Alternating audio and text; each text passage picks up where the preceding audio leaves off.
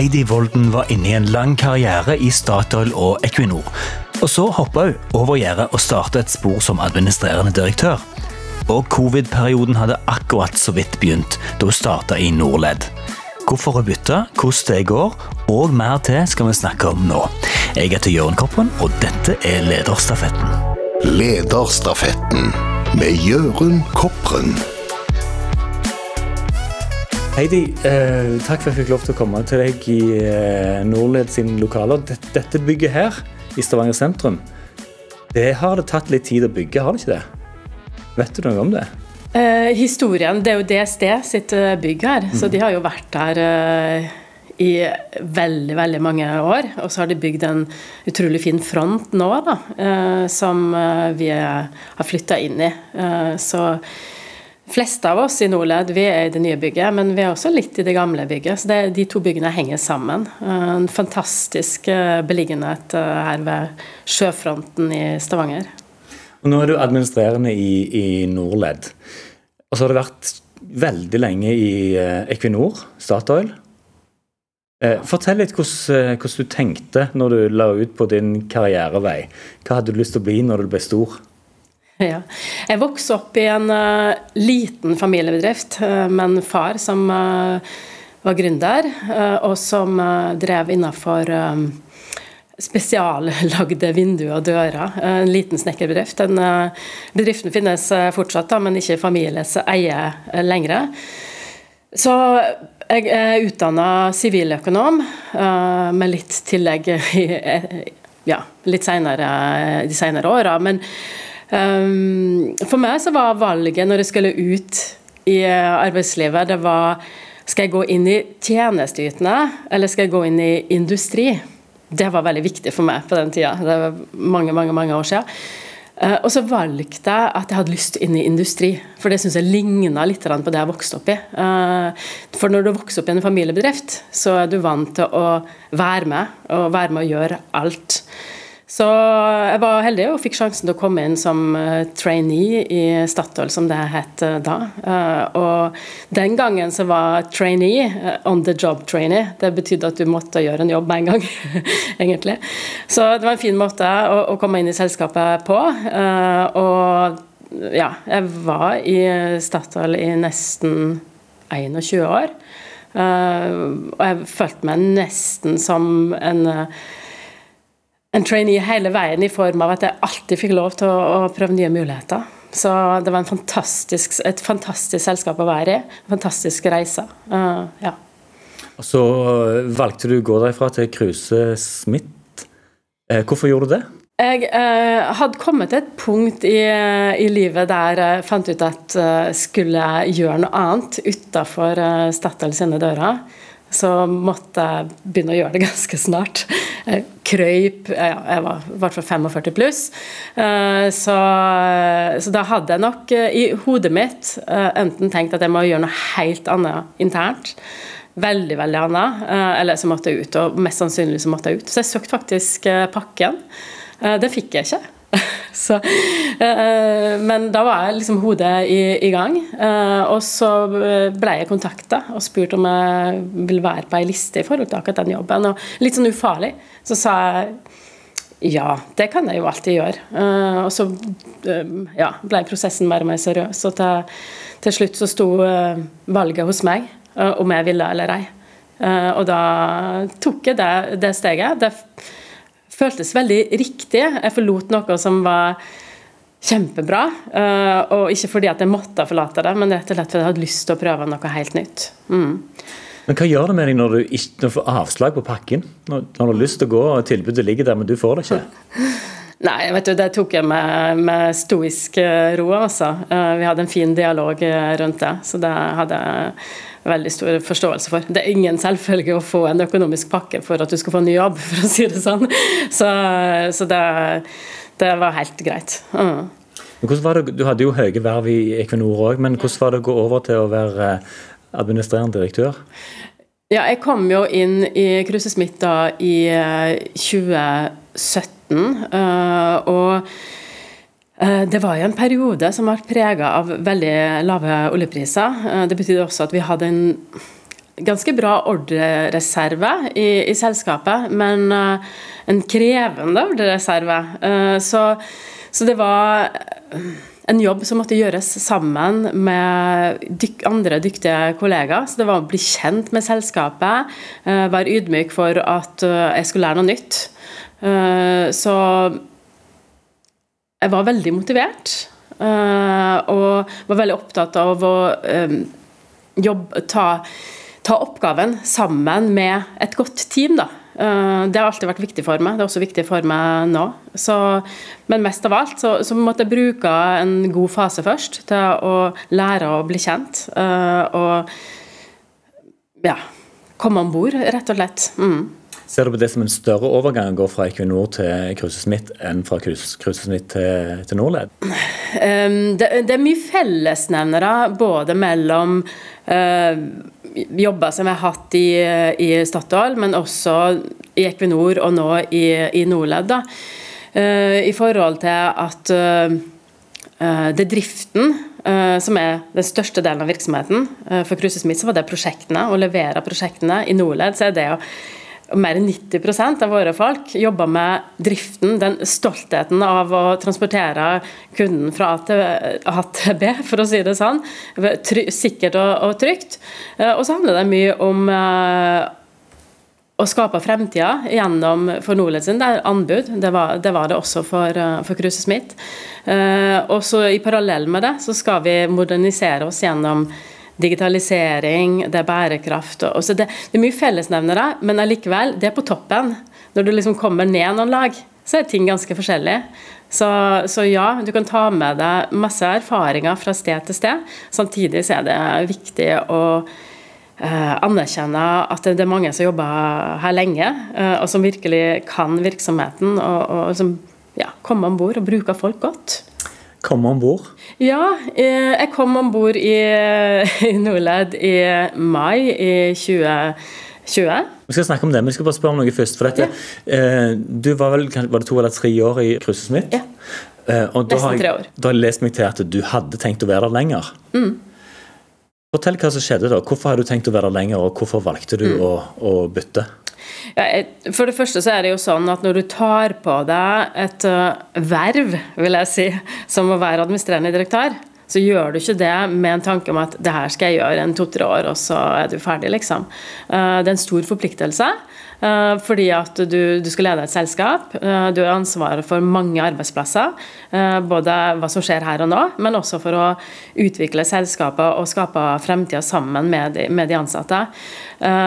Og for meg så er ikke det en to til tre års eh, jobb. Eh, jeg ble kontakta eh, i forhold til en Norled ja, i, før jul i 2019, og sa nei når de banka på. Man får jo mange henvendelser sånn sett. Det.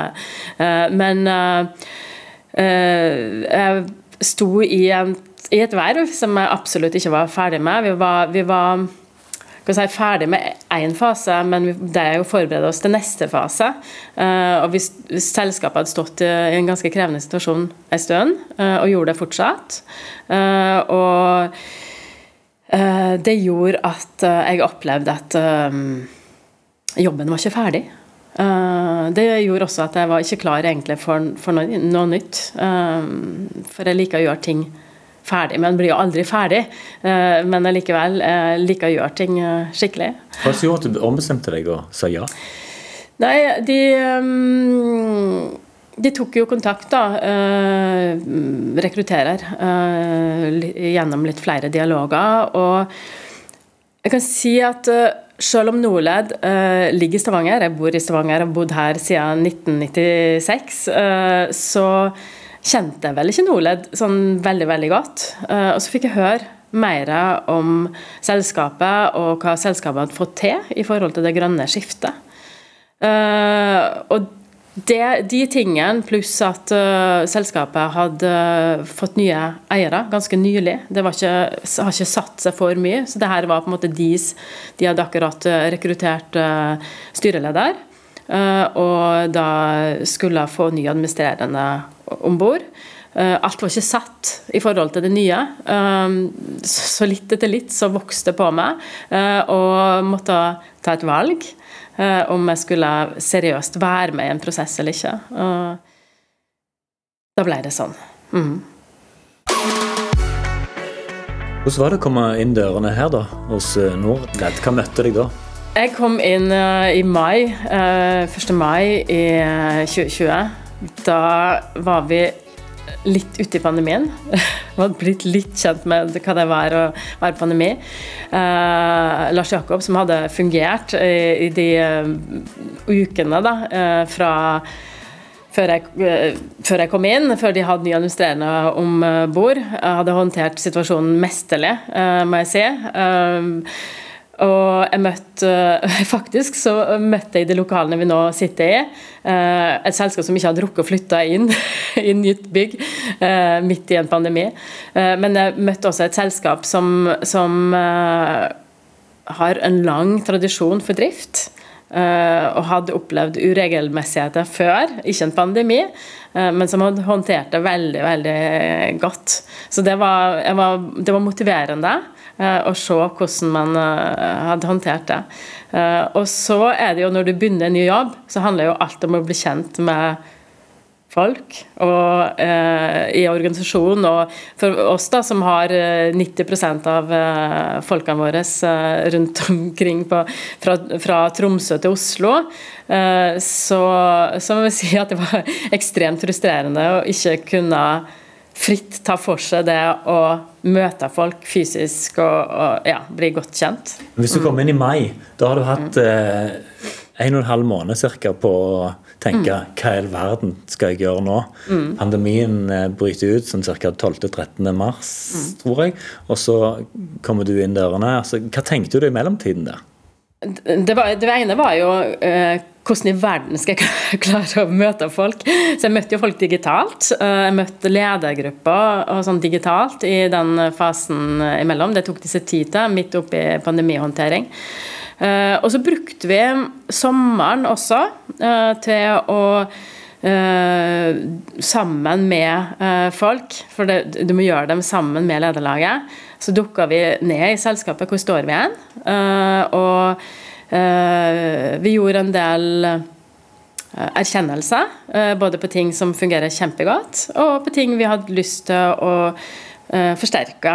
Så vi brukte egentlig tida godt i parallell med at vi håndterte den situasjonen som var. da. Mm. Når du kommer inn, og du sier at det, var, var, selskapet var en situasjon der det var endringer, og at du da kommer inn og, og tenker at her kan jeg være med og gjøre en endring, og så få dette selskapet eh, videre, litt på min måte. Hva var det du så at du kunne bidra med da?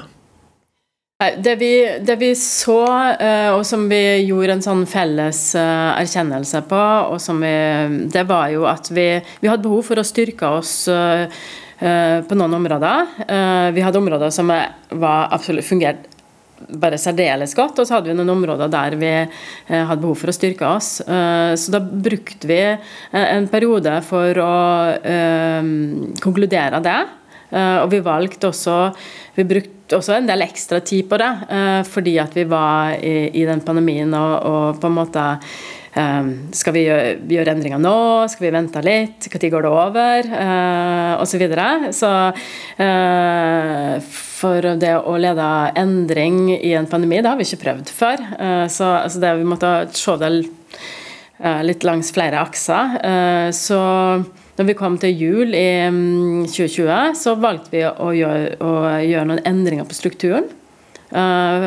Uh, jeg har um, erfart at det å ha en organisasjonsstruktur som følger strategien og hva vi skal oppnå, uh, det, det er veldig viktig. Uh, så da valgte vi å gjøre anbud uh, til en egen organisasjon. Så, og ja, vi gikk da ut også og uh, gjorde en stillingsutlysning eksternt. altså anbud som en egen avdeling, egen organisasjon, mm. for å gi anbud? For å, ja, for å vinne anbud, mm. med, med, mål om å vinne anbud. Og liksom bygge det som et fag. Selvfølgelig er det Du jobber jo med hele organisasjonen når du jobber med anbud, men, men allikevel noen som, som uh, leder det an, da. Uh, det var det ene området vi valgte å, å styrke. Og det, det, andre det var innenfor digitalisering og endring. Uh, så da Eh, der eh, har vi også etablert en, eh, en rolle som utviklingsdirektør, mm, som vi også gikk ut med.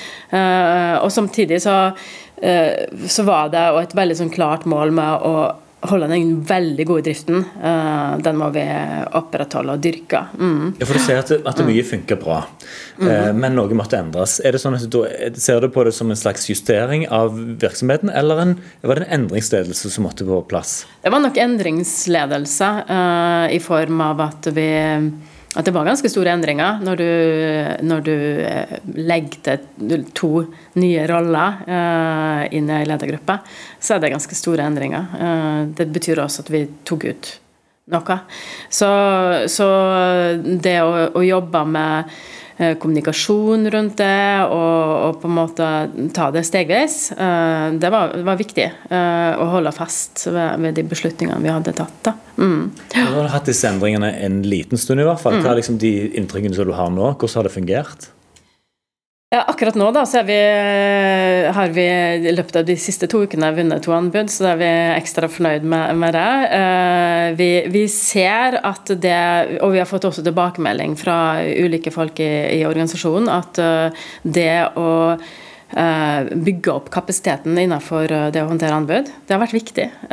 fordi at vi, og det har pandemien òg gjort at det var litt rolig en liten stund. Uh, men så har det, nå har det kommet røys, for å si det sånn, og det er vi veldig glad for. Uh, for nåtida ligger jo på drift, men fremtida ligger jo på, på det å vinne, uh, vinne anbud. Så det, så det er god lyd rundt det, og så, og så, lærer vi jo nå hele veien.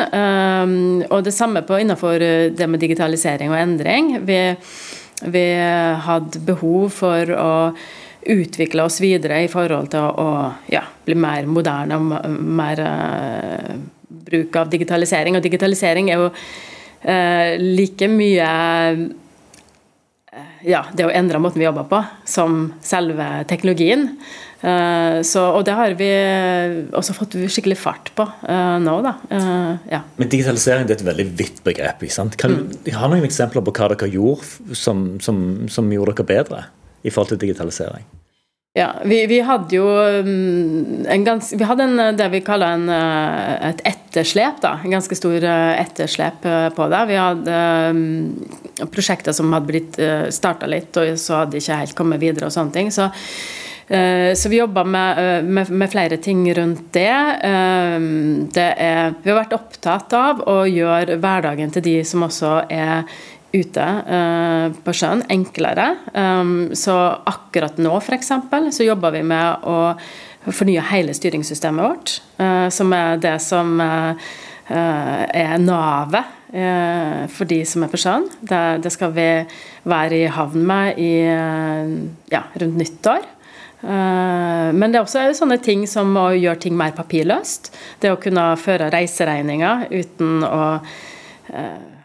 ja, gjøre alt per papir, gjøre det mer digitalt. For eksempel. Mm. Ja. Om du er bevisst på at når du sier at du skal være i havn med det etter nyttår, er det noe som du er bevisst på? Eller? Er det noe som bare kommer fordi du er litt sånn yrkesskada fordi du har vært på sjøen litt lenge? Det er mulig jeg har blitt litt yrkesskada raskt. Ja. Fortell litt om anbud. Eh, for anbud handler ikke bare om å være billigst. Fortell litt om, om, hvordan dere har blitt bedre i, i, å levere og vinne nå nylig to eh, anbud. Ja, og vi har jo vunnet flere enn det, også. Men, men uh, det som er med anbud, er at um, med det grønne skiftet, uh, som uh, jeg kan si det å kunne gå fra Uh, høyutslipp eh, til lavutslipp. Eh, det, det, er en veldig viktig del av det arbeidet vi gjør gjennom anbud. Og Norled har vært kjempeflinke på teknologi gjennom flere år, ligger langt fremme. det var også noe av det som fascinerte meg, som, som gjorde at jeg hadde lyst til å gå om bord. Uh, og ta litt av den historien på det først, da. Så var jo Norled først uh, ute med verdens første helelektriske ferge i 2015, MF Ampere. Uh, da konkurrerte man på, selvfølgelig på pris, men man konkurrerte vel så mye på det å ta ned utslippet. Og det var den kreativiteten som ble skapt gjennom anbudskonkurransen. Eh, og det, det var det som gjorde at vi vant. Eh, og i år så skal vi sette i drift verdens eh, første hydrogendrevne ferge til høsten. Det var det, det samme, men konkurrerte også da på Selvfølgelig på pris, men vel så mye da på, på den nye teknologien. Og akkurat nå så pågår det grønne skiftet På ferge da, så har standarden blitt elektrisk nå. Eller hvis du har de ekstra lange strekkene, så må du over på hydrogen eller, eller lignende. Uh, der det grønne skiftet pågår nå, det er på hurtigbåt. Uh, og der har vi um, over et år uh, jobba med en teknologi som går på batteribytte. Eh, fordi at Det som er forskjellig fra en hurtigbåt til ei ferge, eh, det er at eh, hurtigbåten For det første så, så går han hurtig for å kunne transportere folk effektivt fra dit de skal. Og så har den veldig kort tid ved kai. Som gjør at det er ikke mye tid til å lade hvis du skal bruke batteri. Så våre folk de satte en kravspekk til seg sjøl sist sommer, var det vel, om at vi skal gjøre Vi skal ikke ha kompromiss når det gjelder rutetabellen. vi skal kunne gjøre dagens rutetabell på ulike strekk. og så skal vi kunne være i kai i tre minutter eller mindre. Eh, for å kunne kjøre videre. Og bytte batteri på tre minutter. Og dermed så kom den batteribytteløsningen eh, i havn. Jeg må bare spørre, jeg, altså, Vi ser jo hvor stort et batteri på en bil er. Mm. Men hvordan fungerer det å bytte batteri på en båt? Da, eh, det er jo Hele clouet her er jo at for at båten skal kunne opprettholde fart, så må du ha lettere batterier. Eh, og du må ha mindre mengde batterier.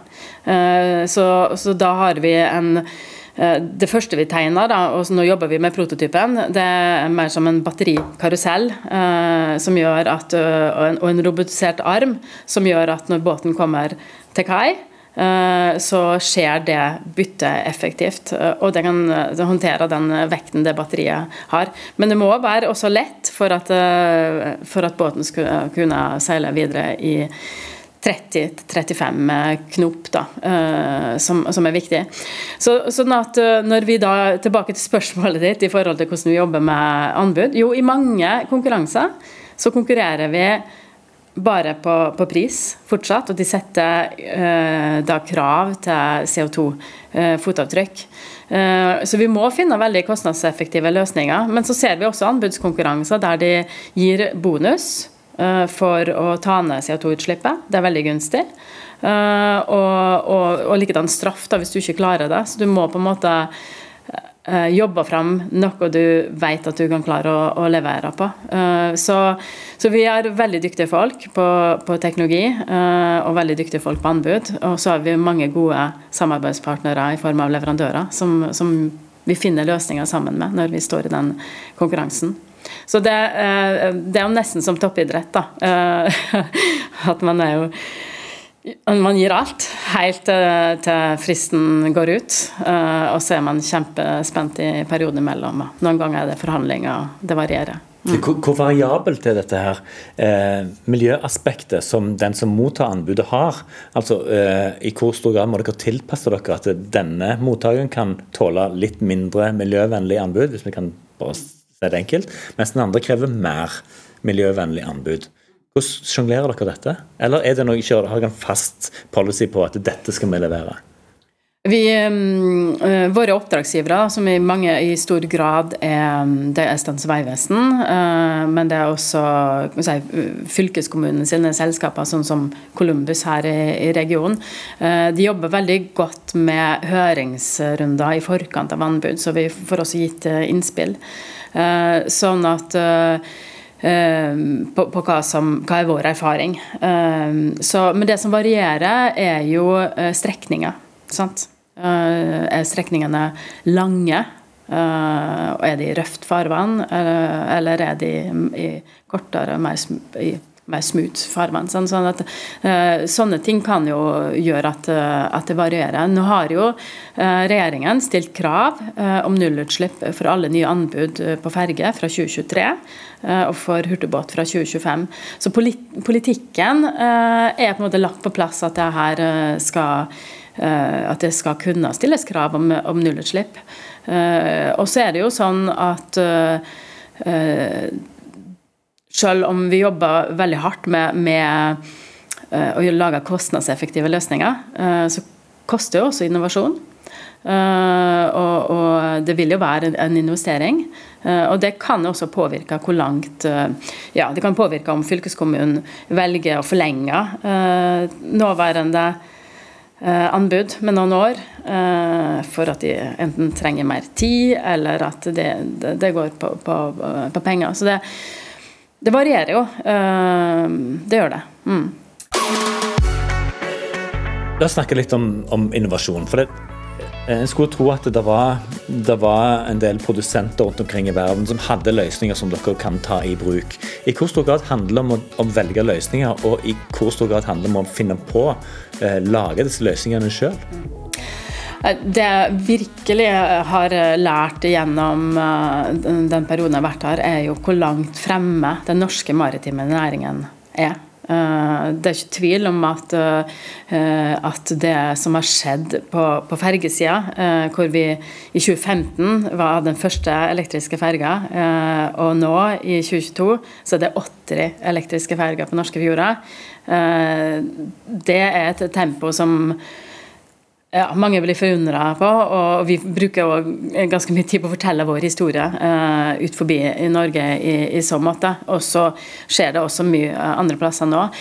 Uh, sånn at uh, det har vært, vært, ganske mye å gå foran for Norled og samarbeidspartnere og næringen totalt sett sånn i forhold til teknologiutvikling. Eh, sånn I utgangspunktet så er ikke vi en produktutvikler. Eh, vi er en produktutvikler gjennom leverandørene våre. At det, er våre leverandører som skal utvikle det. Eh, men akkurat på på, akkurat på det med batteribytte, så fantes det ingen løsning. Så, og ja, vi, her jobber vi tett sammen med, i den sammenhengen med SIM og med, med Årbakke. Eh, så, så, vi gjør det ikke, absolutt ikke alene, men eh, der, der, gikk vi foran eh, og tok en litt annen rolle enn det vi normalt sett velger. Mm. Og Hvis jeg ikke husker feil, så fikk dere pris både for Ampere og Hydra. Stemmer det. Fortell hvordan det påvirker dere. Det er en veldig stor stolthet uh, i forhold til det å ligge langt fremme. Uh, det skaper stolthet i organisasjonen, det skaper stolthet også i, i uh, samarbeid med våre leverandører. Eh, så, eh, så vi, vi, ønsker fortsatt å være ledende. Eh, vi må selvfølgelig skjønne hvilken risiko vi tar. Men den stoltheten ja, Det var en av verdiene våre så. Stolt, dynamisk og solid. Og dynamisk handler jo mye om det å nettopp ligge, ligge langt fremme, være fremsynt og endringsdyktig. Men stolt. Eh, stolthet handler både om den tjenesten vi utøver hver dag, eh, men også det å eh, ja, ligger langt framme. Så. Så det er en veldig spesiell situasjon, for dette, både myndighetene som du sier, de krever at den skal være mer miljøvennlig. Og da må òg leverandørene være i stand til å levere noe som er miljøvennlig. Fortell litt mer om hvordan dette samarbeidet med leverandørene Hva, Hvor lydhøre er de for de tilbakemeldingene som, dere gir? Vi har flere, og jeg skal ikke navngi noen nå i forhold til det, for da er det litt sånn eh, Ingen nevnt, ingen glemt, det er ikke det det heter. Eh, men, eh, vi, vi, har mange som banker på døra vår òg. Så vi klarer jo ikke å holde alle varme. Men vi har jo mange som vi har også samarbeidet over lengre tid. Og det er jo tillitsforhold, samtidig som det er et kommersielt forhold. Så, så det å kan si klekke utfordringer sammen, er vi ganske drevne på. Mm. Uh, og Noen ganger må man stille krav, men, men veldig ofte så, så, er det det med å, å la ideer springe ut. Det kan være gjennom at du kjører uh, workshops og, og, sånne ting sammen med dem. Så, sånn at det, det, betyr veldig mye for oss, akkurat uh, det, de samarbeidene vi, vi har. og så tåler vi jo ærlige tilbakemeldinger begge veier, tenker jeg da. Eh, så jeg skal faktisk eh, i styrerommet til en av våre leverandører eh, i morgen for å, for å dele ja, felles, både felles utfordringer og litt sånn tilbakemeldinger. men jeg er invitert av de. Jeg tenker Det syns jeg er kult at de inviterer. Mm, og det gjør vi gjerne. Mm. Tenker, det må være utfordrende, for dette på den ene siden så, så finner en på ting. altså Hva tid setter en det i produksjon, altså i, i drift? Eh, altså Hva tid tar en sjanser? Hvordan vil du si at utviklingen i forhold til å, å bli en grønnere bransje går? Eh, innenfor, akkurat innenfor vår eh, bransje, da innenfor, eh, som rederi med ferger og hurtigbåter, så går det egentlig ganske fort. Det er noe som gjør med vår grein av den maritime næringen som gjør at jeg tror vi kan gå litt mer lettbeint. Kanskje også fordi at det er store investeringer hos oss også. Men skal du bygge et tankskip, så, så er det enda mye større. Sant? Sånn at det, det er Eh, noe annet. Eh, og så er det nok også det med, med offentlige byggherre da, eh, som kravstiller. Og det at de er gode til å stille krav, gjør noe for, for tempoet. Så Jeg bruker ofte å benevne oss litt som en sånn spydspiss i den maritime næringen. og det går også an å dermed å teste ut teknologier hos oss, tenker jeg. Eh, men samtidig, vi er opptatt av, å levere. Det skal virke, eh, og det skal være trygt. Så når vi nå har jobba med, Tilbake igjen til batteribytte, da. Når vi nå har jobba med, med, med, det først i en konseptfase, eh, så bygger vi nå prototypen. Og da skal vi, i, skal vi teste det på et samband. Og så skal vi være i drift i 2024. Det er målet vårt. Så det skal virke. Uh, vi må ikke ligge så langt framme at det ikke virker. For Hvis du får masse barnesykdommer, de må vi luke ut først, uh, sånn at, det fungerer. Det, det er viktig. For å bruke et uttrykk for en annen transport. Det høres ut som det går veldig på skinner. dette her, sant? Men fortell om noe som ikke har gått så bra. Noe som dere har tenkt at ok, dette her funker ikke i det hele tatt. Dette må vi bare rulle tilbake igjen. Eh, jeg har vel egentlig ikke noen sånne gode, eh, store teknologiske eh, ting som, som, jeg har lyst til å trekke frem i, i den sammenhengen. Men det er klart at det er nå med hvordan først pandemien, og så krigen i Ukraina, og energimangel og forsyningsproblematikk, har jo gjort at ting har gått seinere. Eh, så vi har eh, både eh, vi har både fartøy som skulle ha vært i drift, som har blitt forsinka pga. det. Og også Hydra, som skal i drift på hydrogen, er også forsinka pga. Av, av sånne forhold. Så det, så det er jo ikke alltid helt rett frem. Det er det ikke. Hva tenker du om det? Dere forsinker at ting rundt dere skaper utfordringer? Nei, Vi har måttet håndtert situasjonen underveis. Eh, det har jo vært utfordrende. Eh, tre av de fartøyene som, som, vi har bygd, har vært bygd i Singapore. Eh, og de har vært veldig hardt ramma av pandemien. Så vi, vi har måttet håndtert det underveis i forhold til, til situasjonen. Det er veldig, veldig spesielt. Så, så vi har ja, vi måtte bare håndtere det på best mulig måte og, og prøvd å sikre så god fremdrift uh, som mulig. Og det samme også med, med Hydro. Da. Vi jobber. Der uh, har vi foreløpig på hydrogenutstyret så har vi ikke norske leverandører. Uh, det ønsker vi oss veldig. men vi har, jobbe, vi har jobba tett med dem for å prøve å finne løsninger. Og da har vi jo i mange sammenhenger måttet samarbeide via Teams, hvor vi uten en pandemi, så har vi nok møttes fysisk og, og løst uh, ting uh, enda enklere. Så det, det, det, har vært annerledes. Vi, vi, har jo lært også mye positivt fra, fra pandemien i form av, av at vi kan um, kan gjøre, løse mye via Teams, men når du skal løse mer komplekse teknologiske forhold, så, så har jo det vært mer, mer utfordrende. Det, det må innrømmes. Mm.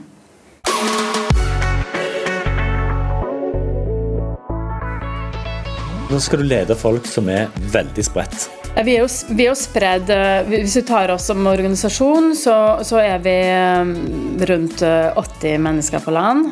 Og vi er ca. 900 totalt. Så det sier jo litt om hvor mange som er på sjøen. Så mer enn 90% er om bord i fergene og båtene, og de går skift. Fra Tromsø i nord til, til Oslo i øst. Så det, det er veldig, veldig, veldig spredt. så og min erfaring er når jeg reiser ut og, og møter eh, teamet om bord på båtene, eh, så er det så er det et, et eget arbeidsmiljø der. Så har, Bare mm, på hver enkelt mm, strekning? Ja, ja. Mm, det er et lag. Fortell mm. hvordan en håndterer det. Hvordan, hvordan, hvordan klarer en å skape en kultur og en, en felles en måte, måte, å tenke på når en er så spredt som det? Mm. For det første så er det jo uh, veldig Jeg anerkjenner veldig viktigheten av å være et godt uh, team uh, om, bord. Uh, og det er fantastisk trivelig å reise ut og møte dem og høre hva de er opptatt av. Så, så, de har sin, også sin kultur og sitt arbeidsmiljø. og er jo opptatt av, av, det, og det skal de være opptatt av òg. For det er de som skaper sin hverdag. Eh, hver dag, for å si det sånn. Eh, og så eh, ligger jo kulturen til Nordland totalt sett ligger jo en lang historikk. Vi er jo et selskap med stolte røtter tilbake til 1855. Uh, og, og, mye av den stoltheten ligger jo i, og kulturen ligger jo nettopp i det å transportere folk trygt og sikkert og finne gode løsninger for å transportere egentlig både varer og folk eh, historisk, da, men, men, nå er det i hvert fall folk og ja, eh, all transport eh, sånn sett. Så vi har vært opptatt av å også anerkjenne den lange historikken. Jeg tror noe av det som binder oss sammen, er verdiene. Og der vi, var det en god prosess. Faktisk ja, tilbake til 2019 Eh, som eh, engasjerte alle de ansatte eh, i forhold til å gi innspill. Så da landa man på, på, Stolt dynamisk solid, som er Jeg tror folk det resonnerer godt. Og så har vi også en visjon som er felles. Og det er de beste reiseopplevelsene gjennom nyskapende og bærekraftige løsninger og stolte medarbeidere. Der gjorde vi en endring uh, i år uh, og la til nettopp det med, med bærekraft. Uh, det, og det er også noe som binder oss sammen. vi har et styre og vi har eiere som er veldig opptatt av bærekraft og det vi gjør på det. så da etablerte vi et bærekraftsprogram. Så da bygde vi det mer inn. Så jeg tror akkurat de her retningen, hvor vi skal og, og hva verdier vi har, det er med å, å, binde oss eh, sammen. Og så har vi en del felles mål også, uh, som uh, går ut av det selskapet. Og så tror jeg det at uh, det at vi som jobber på land, det at vi er ute, hilser på og er opptatt av hva som skjer der, og, og er opptatt av å gjøre deres hverdag enklere, det er også med å binde oss sammen. Du jeg hører at det er en, en stor yrkesstolthet her, og det er tradisjoner eh, som spiller inn. Eh, men jeg vil gjerne høre litt mer om hva, hva, hva tenker du som sitter på toppen, og hvordan, hvordan skal jeg ivareta denne kulturen? Hva gjør jeg aktivt for å passe på at dette faktisk holder videre òg? At det har den yrkesstoltheten, at en, en bærer videre tradisjonene. Hva tenker du, hvordan er det du eh, angriper det? Ja, som sagt, i, i, forhold til vi, mm, den retningen er satt, så har vi vært opptatt av å ta med oss det inn også i, si, i, i målbildet. Uh, og det, det, handler også om å, å, å, ha det øret inn til organisasjonen. Uh, og samtidig som, som, vi gjør de nye tingene som vi må uh, gjøre for å modernisere oss. Eh, også, som det vi snakka om i forhold til det nye teknologier, i, i forhold til eh, bærekraft, eh, i forhold til vinne anbud eh, osv. Så, så, og noen ganger så rokker vi nok kanskje også ved eh, noe av det bestående. Og vi, da får vi ja, vi, vi, får nå, høre det, da, eh, når det skjer òg. Eh, sånn at vi, vi Blant annet da, når vi kjører allmøte, de kjører vi digitalt, eh, så, så, gir vi en mulighet til at alle i organisasjonen kan stille spørsmål. Og vi får ganske åpne og ærlige spørsmål inn i den sammenhengen, som vi prøver å, å besvare ut. Samtidig så har vi òg ulike uh, ja, organer for å, for å, høre hva organisasjonen er opptatt av. Uh, så vi, vi, som sagt, vi prøver å ha øret inntil, uh, samtidig som vi må endre oss.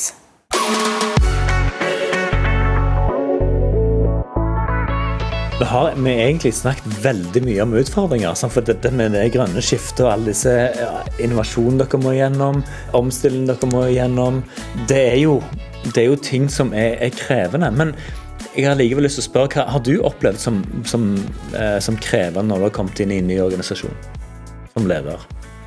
Vi har noe, eh, Som du sier, da, så ja, det, det, det, det nevner her er utfordrende, men, men, for å si det sånn, det er også veldig motiverende å være en del av eh, det grønne skiftet. Da, og det å kunne bidra. Eh, jeg må si det er personlig, så det er ekstremt motiverende. Jeg, jeg tror vi har berørt uh, mye av det allerede. Uh, det med at vi to år etter pandemi også fikk en, eh, en effekten av krigen i Ukraina og på toppen. det har jo gjort det er, det er krevende i forhold til de energiprisene som vi nå ser. For vi er jo ikke over på nå er strømprisene høye òg, men det er jo særlig dieselprisene som er veldig høye. og det må vi håndtere, for å si det sånn. Eh, så, eh, men hvis det er noe som, som, på en måte virkelig rører meg, eh, så går det på sikkerhet. Vi er, sterk, opptatt av å ha en sterk sikkerhetskultur. Og vi har også hatt noen alvorlige hendelser etter jeg kom inn. Er det noe, noe som virkelig, virkelig rører meg, så er det akkurat det. Og når det, når det først skjer, så har vi en organisasjon som er veldig trent på det. Er veldig god til å, vi er gode på å håndtere beredskapsdelen av det. Eh, og eh, vi er også veldig opptatt av å finne rotårsaker til hvorfor ting skjer. Eh, så de hendelsene som har enten stort potensial eller som er alvorlige, de gransker vi. For å forstå, for å forstå hva som ligger bak. Så vi har ganske nylig nå uh, satt i gang også et program på det som vil gå over tid, som vi kaller for Sikkerhetsankeret.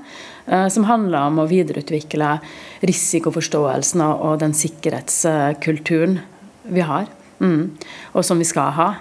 Så og vi er jo opptatt av f.eks. hvis du har en situasjon med uvær, så er det kaptein som avgjør når han skal ligge rolig. og Eh, der er vi jo også opptatt av at vi heller skal legge oss på den konservative sida enn å være, eh, ta risiko. Eh, men selve risikoforståelsen i forhold til de små og store tingene, det, det, skal vi bli enda bedre på. Mm. Men når du begynte i ny jobb, mm. så Det må ha vært noe du tenkte at ok, dette her er for meg personlig, dette er, dette er litt utfordrende. Fortell om noe du syns var utfordrende i din rolle når du starta.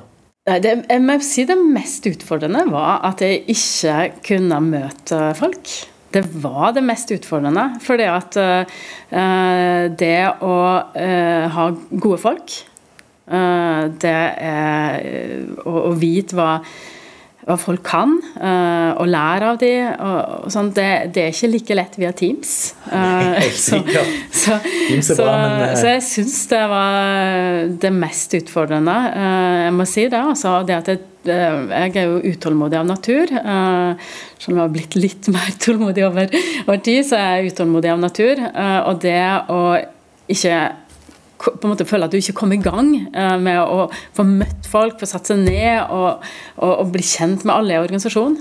Eh, det, det, har tatt veldig lang tid før jeg har fått møtt eh, sjøl alle i landorganisasjonen. og jeg har foreløpig ikke møtt alle som jobber på sjøen. Det, det, har jeg ikke. Det vil nok ta, ta noe mer tid. Men det å få reise rundt, så det var det mest utfordrende.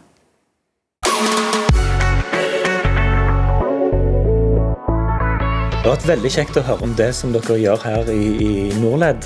Og så har jeg òg eh, sagt til deg at jeg har lyst til å få to råd om hva du tenker vil være nyttig for noen som er eller vil bli leder. Hva er det første du tenker på da? Eh, det viktigste er å sikre at du har med deg gode folk. Um, og pass på det tidlig. Uh, hvis du går inn i en lederrolle. Eh, pass på at du har med deg gode folk. Eh, og de rette folka for de utfordringene som du har. Da. Eh, og for meg så, så, handler jo det om å få opp ulike perspektiver.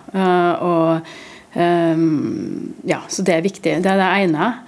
Det. Spør litt inn i det. Mm. Når du kommer inn i en, en satt organisasjon, og du har lederteamet rundt deg, og Jeg sier ikke dette gjelder deg, men jeg tenker, nå er det kanskje litt hypotetiske. Men hvis, du, hvis det er noe i dette teamet som du kjenner dette er ikke rett person for meg å jobbe med, hva ville en gjort da? For å sikre seg at en har det rette teamet 100% rundt seg. Vi valgte å gjøre en del eh, Jeg valgte å gjøre noen endringer pga. at vi, eh, strategien krevde det. Eh, så det hadde med kompetanse og hva vi måtte prioritere. Så det var med og dreie frem noen endringer. Eh, sånn at det handler ikke om, om eh, folk. Det er masse dyktige folk i, i organisasjonen, virkelig. Men det å gjøre være bevisst på hva strategien er, og hva det krever av kompetanser og, og perspektiver, det er utrolig viktig. Så det var råd én. Eh, råd to er, nok at kjenn etter hva som virkelig driver deg, uh, og som vil vedvare en stund. Uh, for det å ta på seg en større lederjobb, det er, krever mye tid og mye prioritering. Og da, det å vite hva, hva er det som driver deg, det er viktig. Det er i hvert fall viktig for meg personlig. så Derfor så er det kanskje også viktig for noen andre. Uh, og jeg veit veldig godt hva er det som driver meg hvis jeg har en, en uh, tung dag, for å si det sånn. Uh, og det er to ting. Det ene er folka på jobben. Det å, ha ja, lederteamet, men, men, folka generelt. Folka på jobben. Og det andre er å bidra med noe som er større enn oss sjøl. Og det er å bidra litt inn i det grønne prosjektet. Nå blir det noen sommeruker før planen er å besøke Per André Rykhus i CHC Helikopter, som har fått stafettpinnen fra Heidi Volden. Ha en god sommer. Lederstafetten med Jørund Kopren.